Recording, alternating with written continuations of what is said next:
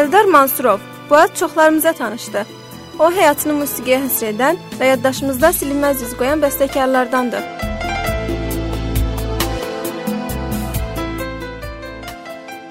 Eldar Mansurov 1952-ci ildə İçəri şəhərdə musiqiçi ailəsində doğulub. Atası Bəhram Mansurov da Azərbaycan muğamlarını dünyaya tanıtdıran ilk sənətkarlardandır.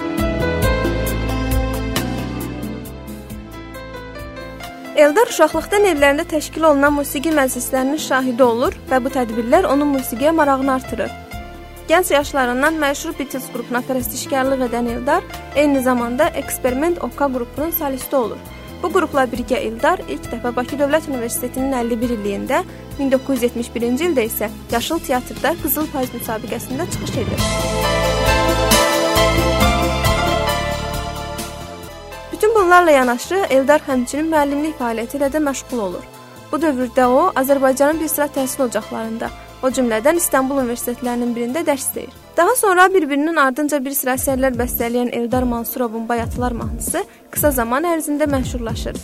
Şair Vahid Əzizin sözlərinə yazılmış Bayatılar ilk dəfə 1989-cu ildə Brilliant Dadoşova tərəfindən ifa olunur.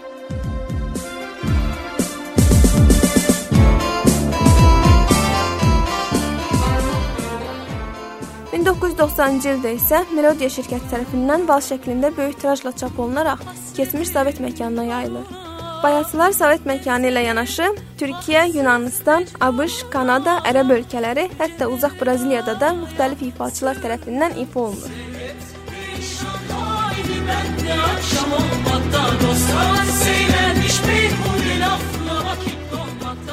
Bəstəkarın Bəhramnamə əsəri də belə əsərlərdəndir. Əsər onun atası, məşhur tərzən Bəhram Mansurovun əziz xatirəsinə həsr olunub. Bəhramnamə layihəsi əvvəlcə albom şəklində musiqi sevərlərə təqdim olunur. Sonra layihənin efir ömrü başlayır. Bir il ərzində yerli radiostansiyalarda bu ecazkar musiqi səslənir. Nəhayət layihə nəhəng konsert proqramı ilə tamamlanır.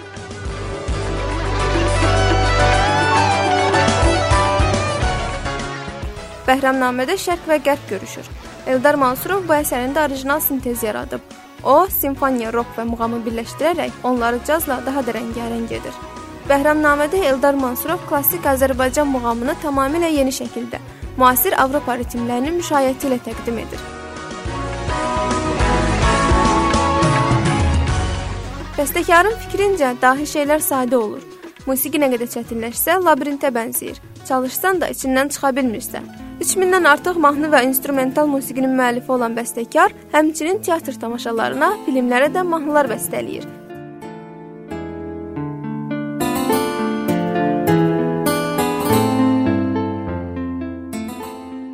Simli orkestr üçün pyeslər, simli alətlər üçün musiqi, uşaq xoru üçün iki mahnı, Kleopatra rock baleti, Olimpir pərdəli rock baleti, 7 gözəl rock operası yazan bəstəkar, həmçinin Daşdan tikilmiş şəhər, İşğal, Qisas günü, Neftçi 87 kimi bir sıra filmlərə də mahnılar bəstələyib.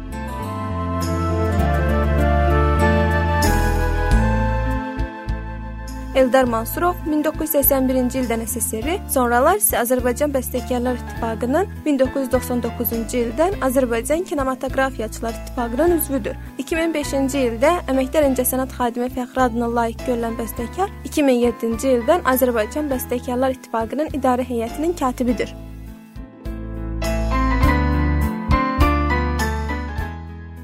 Duyğu Qasımlı Gənclərin Səsi Radiosu